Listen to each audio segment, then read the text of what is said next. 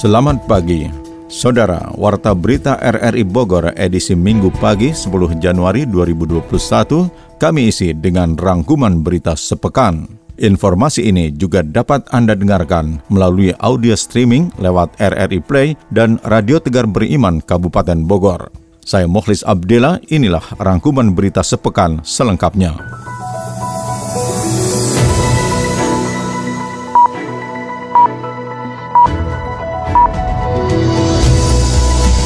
Rangkuman berita sepekan kami awali dari Lapas Gunung Sindur, Kabupaten Bogor, di mana napi teroris Abu Bakar Ba'asir menghirup udara segar alias bebas Jumat 8 Januari 2021.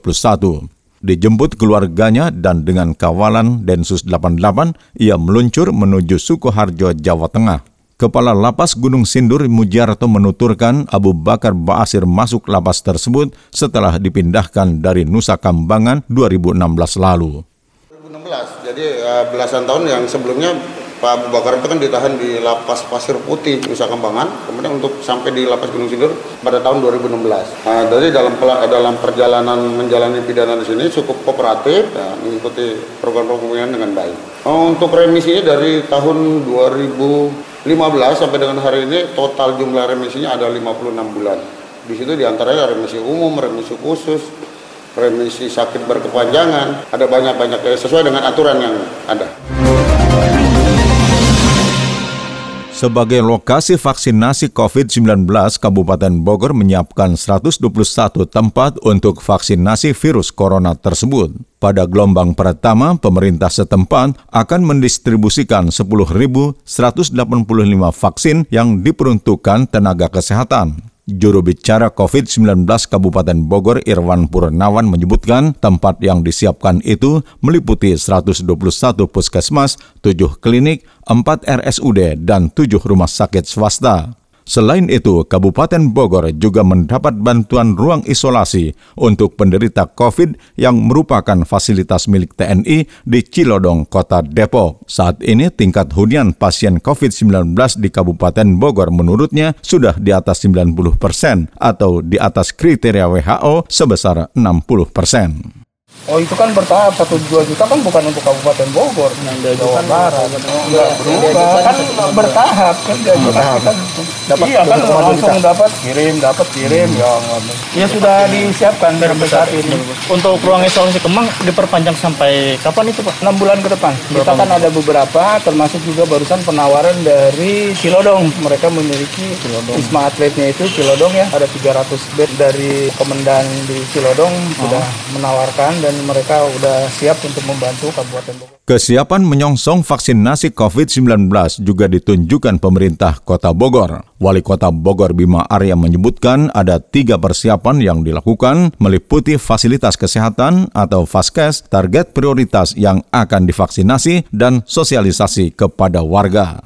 Minggu kedua Januari sudah akan ada kick off di Kota Bogor ya. Yang disiapkan oleh kami adalah tiga Pertama adalah kesiapan Faskes ya di puskesmas di Kota Bogor. Kemudian yang kedua adalah pendataan pendataan dari target prioritas yang akan nanti diberikan vaksin. Dan yang ketiga adalah proses sosialisasi kepada warga di semuanya. Gitu. Kita sudah menganggarkan dari APBD sekitar 9 miliar yang digunakan untuk itu. Ada keperluan untuk logistik, ya, keperluan untuk Faskes dan lain-lain. 20% dulu dari kelompok usia produktif Ya, 20% dari usia 19 sampai 60 tahun mungkin sekitar 160 ribu. Komisi Perlindungan Anak Indonesia Daerah KPAID Kota Bogor mengapresiasi Presiden Jokowi yang telah menaikkan peraturan pemerintah PP 70 2020 tentang hukuman kebiri kimia bagi para pelaku kekerasan seksual terhadap anak. Ketua KPAID Kota Bogor, Dudi Syarudin menegaskan langkah tersebut menjadi bukti kehadiran dan keseriusan pemerintah dalam menangani kasus kekerasan seksual pada anak yang masih marak terjadi. Ini tandas Dudi memberikan ketetapan hukum dan perlindungan bagi anak serta orang tua yang kerap menjadi korban kejahatan luar biasa dari pelaku predator. Jadi sudah ditandatangani presiden, artinya kita ada legal standing untuk aparat hukum untuk memfonis secara maksimal kalau itu emang kejahatan terhadap anaknya extraordinary crime gitu. Jadi kami sangat senang lah dengan keputusan ini.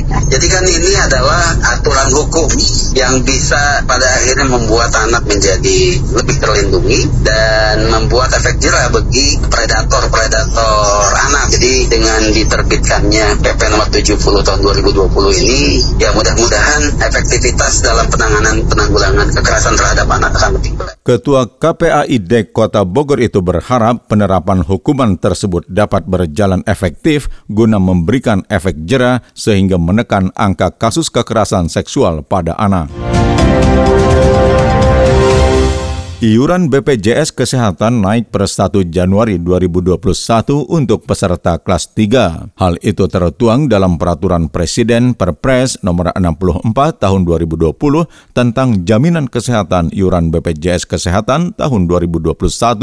Menyikapi hal itu, Direktur Advokasi Jamkes Watch Bogor Heri Irawan menilai kebijakan pemerintah itu tidak tepat, terlebih dalam situasi pandemi COVID-19 saat ini. Di tengah pandemi ini, tandas Heri, banyak masyarakat yang terdampak pandemi sehingga mengakibatkan kondisi ekonomi masyarakat karut-marut. Kenaikan iuran itu tambahnya akan memberatkan masyarakat terkait kenaikan iuran BPJS Kesehatan yang sudah diberlakukan per 1 Juli 2020 kemarin untuk kelas 1 dan kelas 2 dan untuk 1 Januari 2021 kelas 3 juga ikut dinaikkan. Hal ini sedari awal jelas kami tolak karena di situasi pandemi seperti ini banyak masyarakat yang kesulitan memenuhi kebutuhan dasar hidup mereka untuk sandang dan pangan mereka sehingga tidak tepat pemerintah menaikkan iuran BPJS Kesehatan.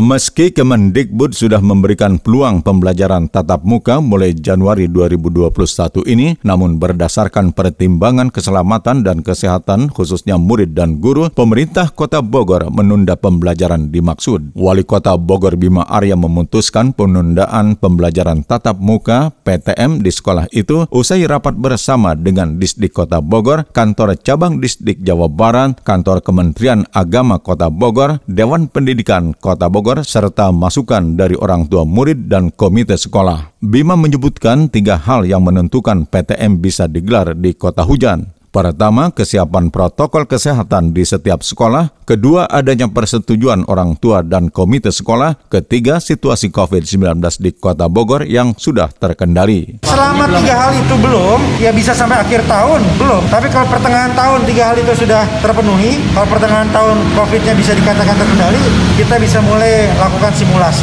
Baru simulasi ya, baru simulasi, ada belum buka. Itu pun nanti kalau terkendali. Tapi kalau tidak terkendali sampai akhir tahun juga tidak akan kita buka. Jadi nyawa generasi masa depan ini bukan untuk uji coba. Ini nasib anak-anak kita, nasib generasi masa depan yang harus kita jaga. Jadi ini bukan eksperimen, ini sesuatu yang harus dipikirkan secara matang.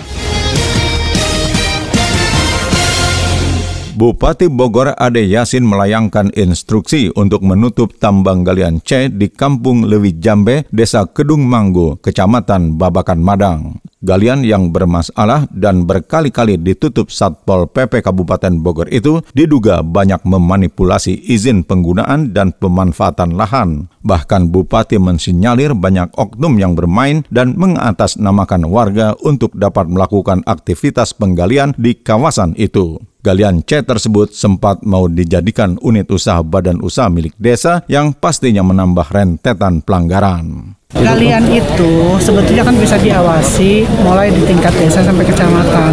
Jadi kalau itu coba deh saya minta bantuan laporkan ketika ada galian-galian yang memang juga melanggar. Jadi hmm. kan nanti dia ditindaklanjuti oleh Satpol PP. Kalau itu saya nggak tahu ya minta jatah atau enggaknya ya. Hmm. Tapi yang jelas ketika yang ada beroperasi galian liar ini harus disikapi. Makanya saya sudah perintahkan Satpol PP untuk menindaklanjuti. Sementara itu, Camat Babakan Madang Cecep Imam Ar-Rashid memastikan tidak ada lagi aktivitas galian di kampung Lewi Jambe.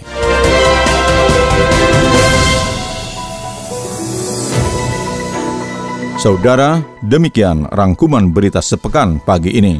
Saya Muhlis Abdillah bersama teknik montase Naufal Noviansyah undur diri. Terima kasih atas kebersamaan Anda. Selamat pagi.